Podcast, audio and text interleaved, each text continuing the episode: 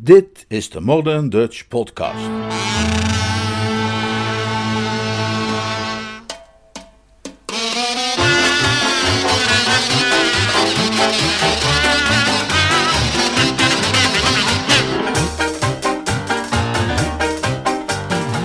Geluk in de morgen.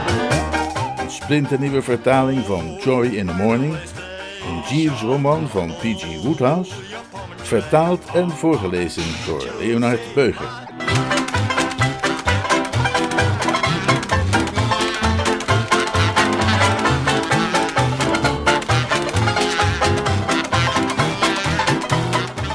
Hoofdstuk 4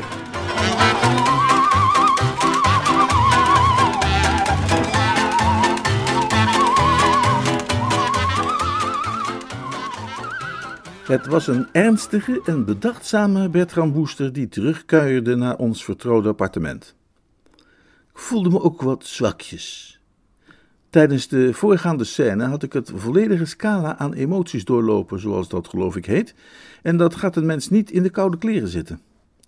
Mijn eerste reactie op Stiltons onthulling was, zoals beschreven, opluchting geweest.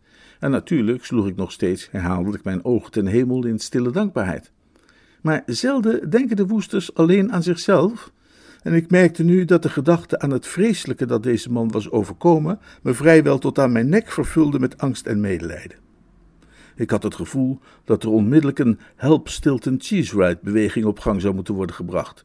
Want hoewel je hem niet een van mijn werkelijke boezemvrienden zou kunnen noemen, zoals Boko Fittleworth bijvoorbeeld, heeft men toch ook met betrekking tot hem menselijke overwegingen en gevoelens.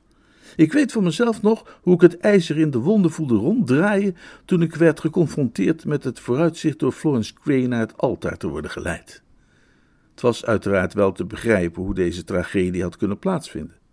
Het was het meelijwekkende verlangen geweest van de arme ziel om zijn geestesleven wat op te peppen dat hem in deze afschuwelijke situatie had doen belanden.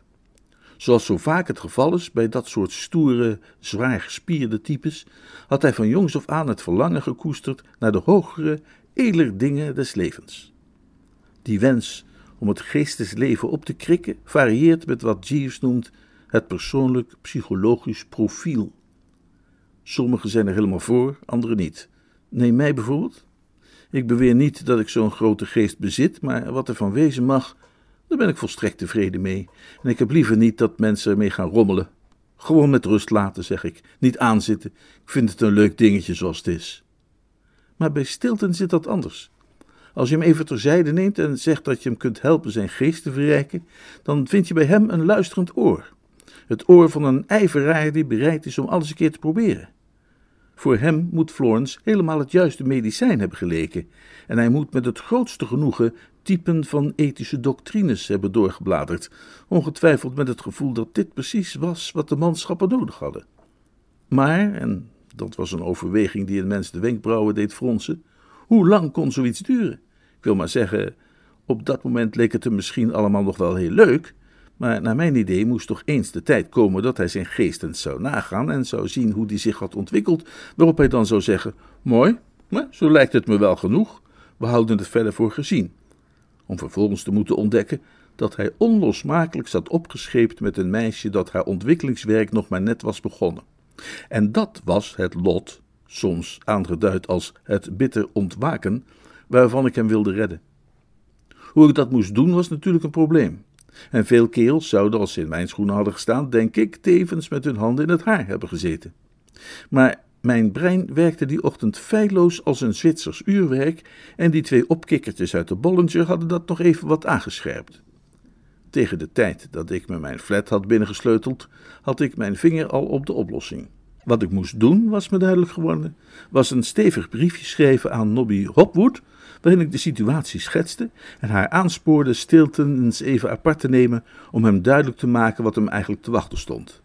Nobby, zo redeneerde ik, kende Florence al van kinds af aan en zou daarom precies weten wat te zeggen.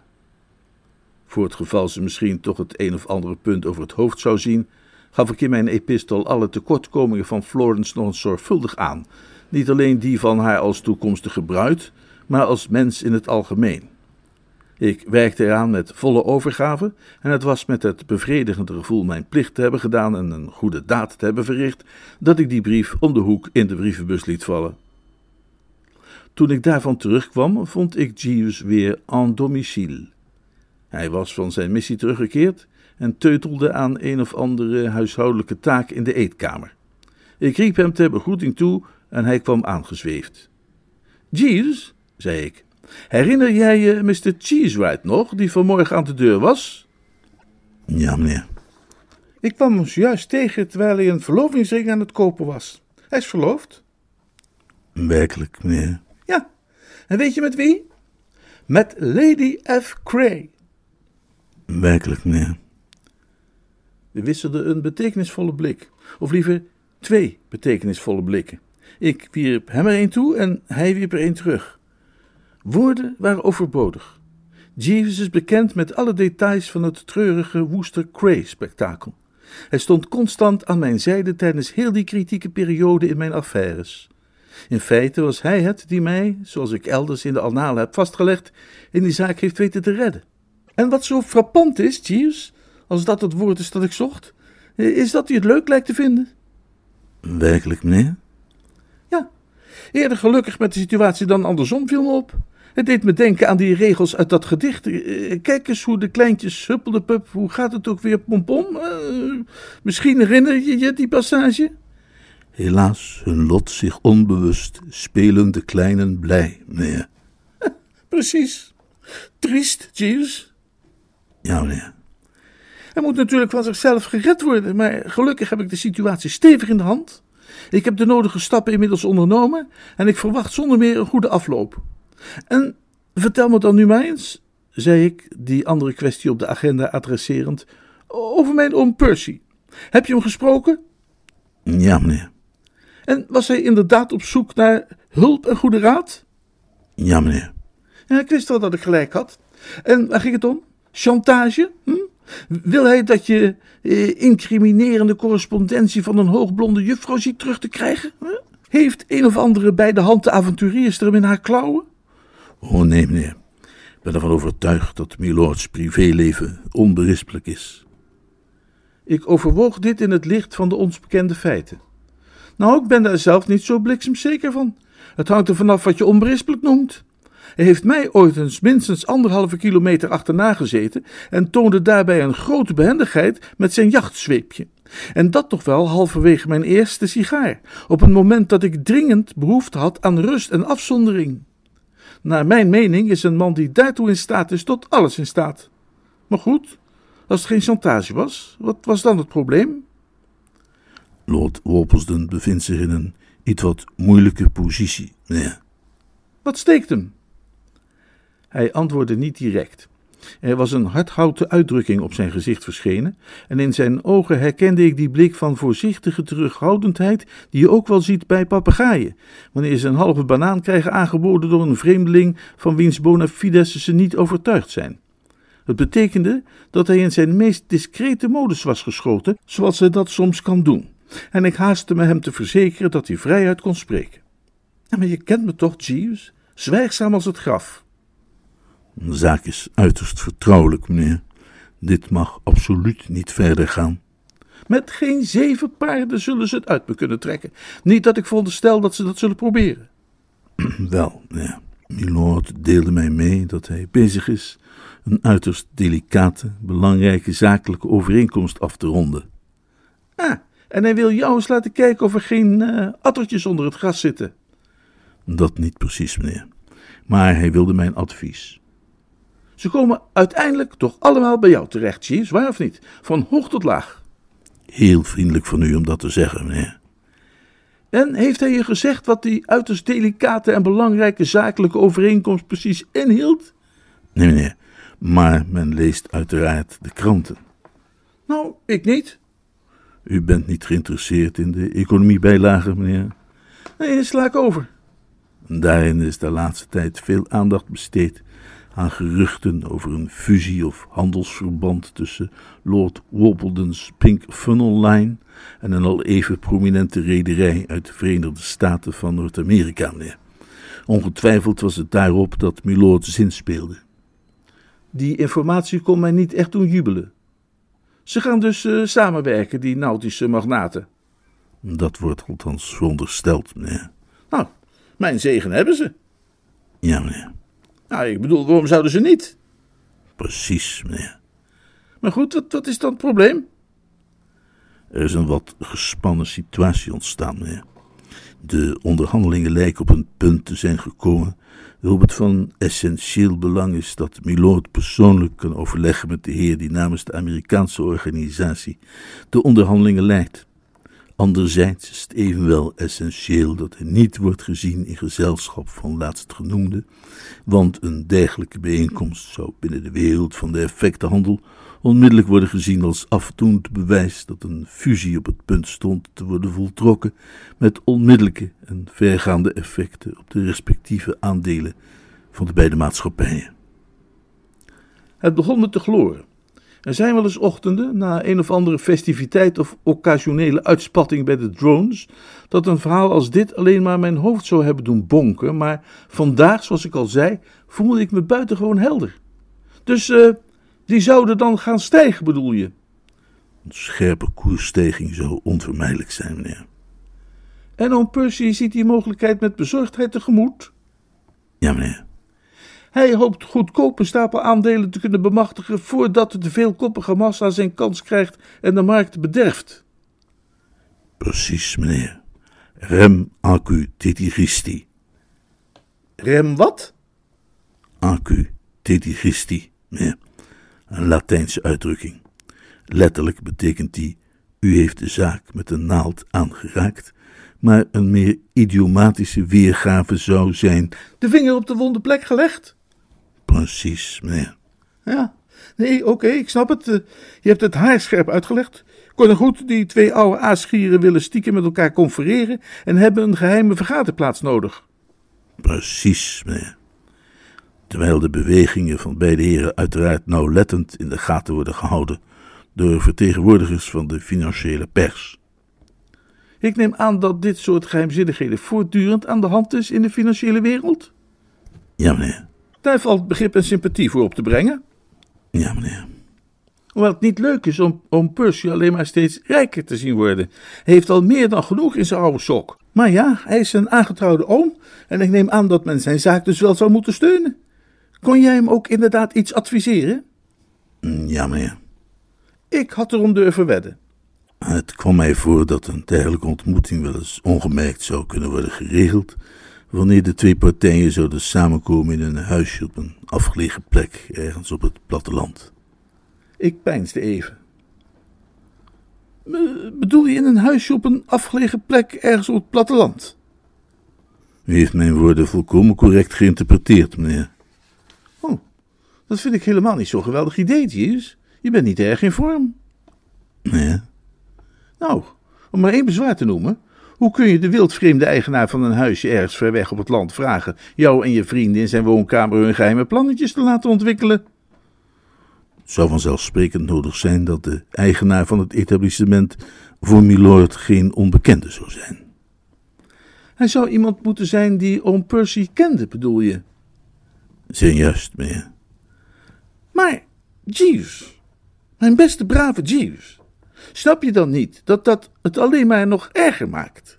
Gebruik toch je kersenpit. In dat geval zal die kerel tegen zichzelf zeggen: Hallo, die oude Worpelsdom heeft geheime ontmoetingen met mysterieuze Amerikanen. Ra, ra, wat heeft dat te betekenen? Ik durf te wedden dat het betekent dat die fusie waar ik zoveel over heb gelezen in de krant er een deze dagen gaat komen. ja, en hij sluipt naar buiten en belt zijn makelaar om die aandelen te kopen en net zo lang door te gaan met kopen tot hij er blauw van ziet. Zo vallen alle zorgvuldig opgestelde plannetjes van oom Percy in het water en krijgt die arme man een beroerte. Kun je me volgen, Jeeves? Volkomen, meneer. Die eventualiteit had ik niet over het hoofd gezien. De bewoner van het huisje zou namelijk een heer moeten zijn die Milord kan vertrouwen. Zoals? Tja, zoals u zelf, meneer. Ja, maar ja, ja, sorry dat ik het er zo moet invrijven. Maar het is alleen maar eerlijk je de schellen van de ogen te peuteren. Ik beschik niet over een huisje op een afgelegen plek ergens op het platteland. Toch wel, meneer. Begrijp je even niet, Jeeves? Milord stelt er zelf een tot uw beschikking, meneer. heeft mij opgedragen u te verzoeken morgen naar Steeple Bumpley te gaan. Nice! Steeple Bumpley? waar u een kleine, compacte woning zult vinden, keurig in gereedheid gebracht om die onmiddellijk te kunnen betrekken. Bovendien op een aangename plaats gelegen, niet ver van de rivier. Dat woord rivier was voldoende om mij duidelijk te maken wat er was gebeurd. Ik denk niet dat er meer dan een handvol mannen is in het Londense postdistrict West 1 die sneller doorhebben dat er vuil spel is gespeeld dan Bertram Woester op een van zijn goede ochtenden. En dit was een van mijn bijzonder goede ochtenden. Ik doorzag heel het gruwelijke plot. Jeeves, zei ik, jij hebt mij een loer gedraaid. Spijt me, meneer.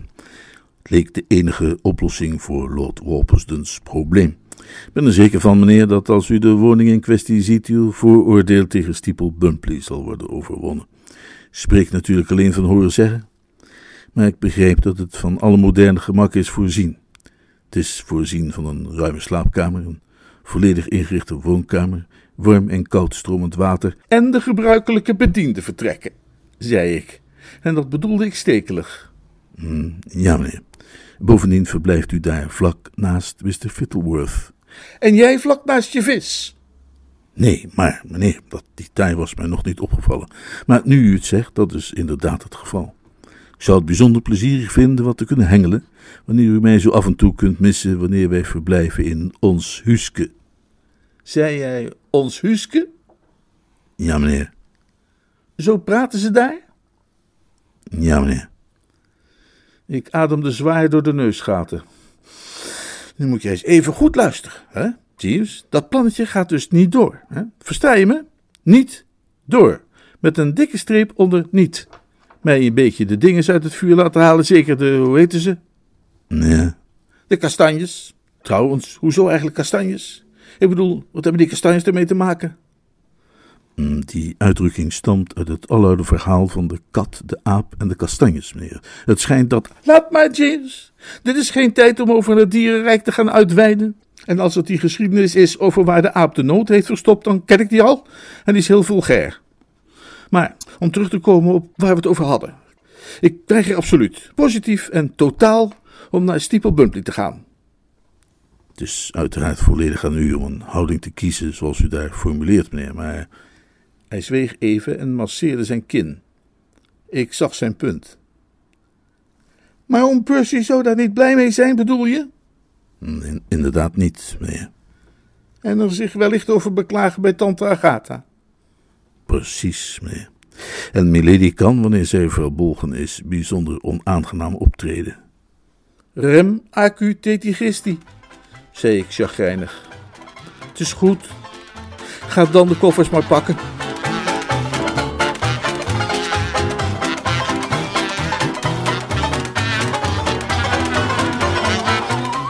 Hoofdstuk 5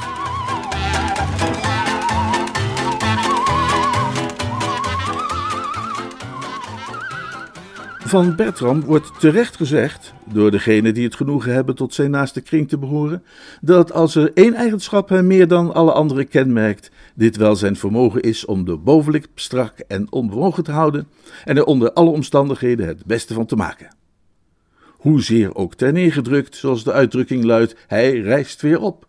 Misschien niet helemaal in topvorm, maar toch altijd monterder dan je zou verwachten en met een open oog voor ieder zonnestraaltje.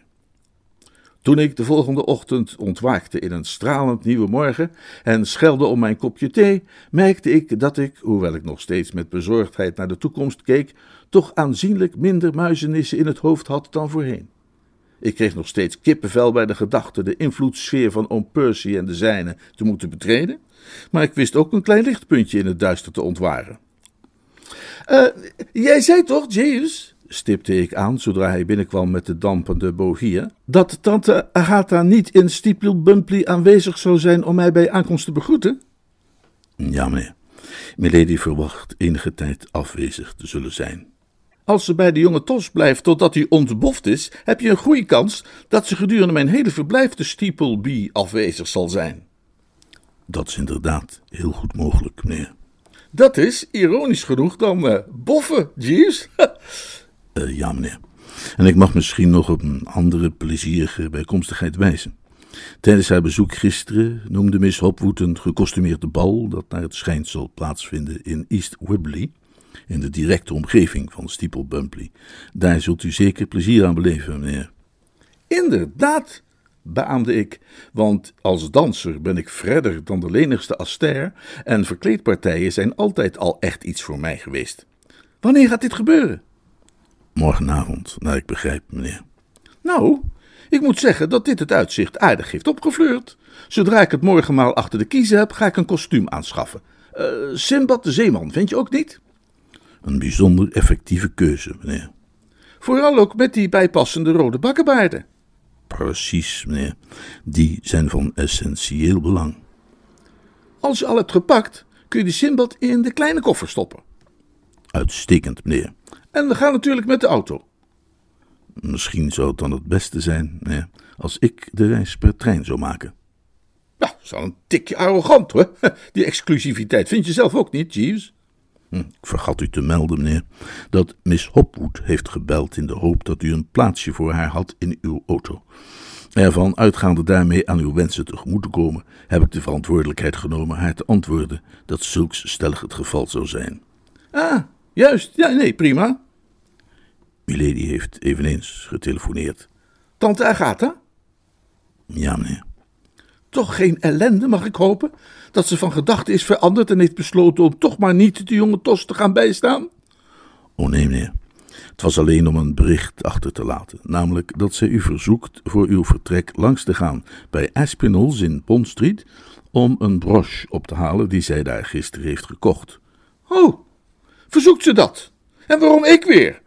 vroeg ik met enige scherpte in de stem, want ik had nogal een hekel aan haar kennelijke onvermogen om onderscheid te maken tussen een neef en een pakjesbezorger. Begrijp dat de betreffende snuisterij een cadeau is voor Lady Florence, meneer, die vandaag haar verjaardag viert. Milady wenst dat u het pakje persoonlijk naar zijn bestemming brengt in het besef dat wanneer zij het aan de reguliere besteldiensten toevertrouwt, de bezorging van het geschenk pas zal kunnen geschieden wanneer de essentiële datum reeds is gepasseerd. Je bedoelt, als het op de post doet, komt het te laat aan? Inderdaad, meneer. Juist, ja. Daar uh, zit iets in. Milady leek enigszins twijfelachtig omtrent uw vermogen haar opdracht zonder ongelukken uit te voeren. Ho! Maar ik heb haar verzekerd dat een en ander ruimschoots binnen uw vermogen ligt. Dat zou ik wel denken, ja, zei ik gepikeerd. Hm, dus Lady Florence is jarig, hè? zei ik, terwijl ik een bedachtzaam suikerklontje op mijn theelepeltje in evenwicht hield. Dat schept een sociaal vraagstuk waarover ik graag jouw mening zou willen horen. moet ik met een cadeautje op de proppen komen? Nee, meneer. Niet nodig, denk je? Nee, meneer. Niet na wat er is gebeurd. Ik was blij hem dat te horen zeggen. Ik bedoel, een mens wil natuurlijk in alle gevallen de preux chevalier blijven en doen wat preux is, maar die hele toestand met dat geven van cadeautjes is een twijfelachtige zaak, geschikt om meisjes op allerlei gevaarlijke ideeën te brengen.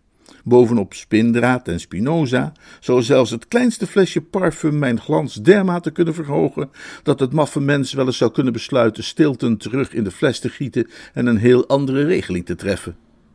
Goed, ik zal me aan jouw advies houden, Jeeves. Geen presentje dus voor La Cray. Nee, meneer. Maar nu we het toch over dat onderwerp hebben, we zullen binnenkort op zoek moeten gaan naar het mooie geschenk voor La Hopwood.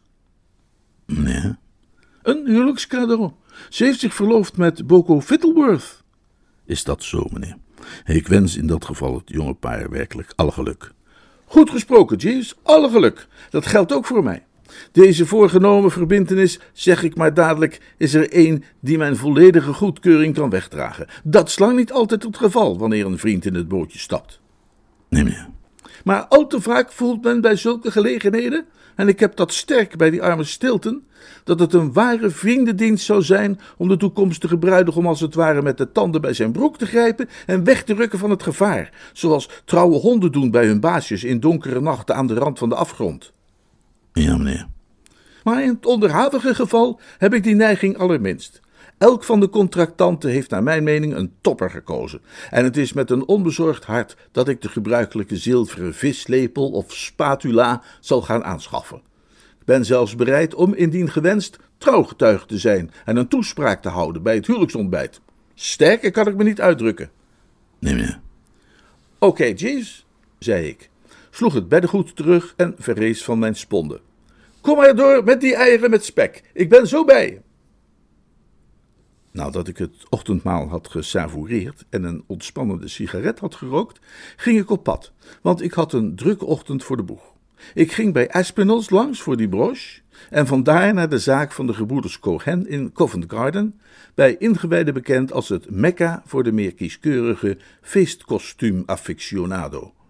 De gebroeders waren gelukkig in staat om mij de benodigde sinbad te leveren, de laatste die ze in voorraad hadden, en een bezoek aan een pruikenmaker in diezelfde theaterbuurt stelde me in het bezit van een schitterend stel rode bakkenbaarden, waardoor ik een winnende hand completeerde. De auto stond bij mijn terugkomst voor de deur met een vrouwelijk ogende koffer in de kattenbak. Dat leek erop te wijzen dat Nobby was gearriveerd en ik vond hij inderdaad in de zitkamer, nippend aan een verfrissing. Het was geruime tijd geleden dat we elkaar hadden ontmoet, dus volgde er eerst een intermezzo vol armgezwaai en verbroedering. Daarop, na zelf ook een opfrissertje te hebben genoten, bracht ik haar naar de wagen en stapten we in. Jeeves had op mijn instructie het koffertje met de sinbad onder de voorbank geplaatst, onder mijn waakzaam oog, en alles was dus gereed. Ik trapte op de zelfstarter en we vertrokken. Jeeves zwaaide ons uit vanaf de stoep, als een aartsbisschop die een groep pelgrims zegent in de berustende houding van iemand die binnenkort per trein zou volgen met de zware bagage. Hoewel het me speet al dus het gezelschap te moeten missen van mijn trouwe secondant, wiens conversatie immers altijd een plezierige mengeling biedt van lering en de vermaken, was ik blij om Nobby alleen te hebben. Ik wilde graag alles horen over haar aanstaande amalgamatie met Boko, want daar zij beiden gewaardeerde leden waren van mijn entourage, had het nieuws van hun verloving mij niet weinig geboeid. Ik ben nooit zo'n grote kletsmajor in het verkeer, en totdat ik de wagen de overvolle straten van de bebouwde kom had uitgemanoeuvreerd, bleef ik krachtig en zwijgzaam, de lippen strak, de ogen scherp. Maar toen we tenslotte langs de Portsmouth Road voortkachelden, zonder dat er iets was dat de aandacht afleidde, trok ik van leer.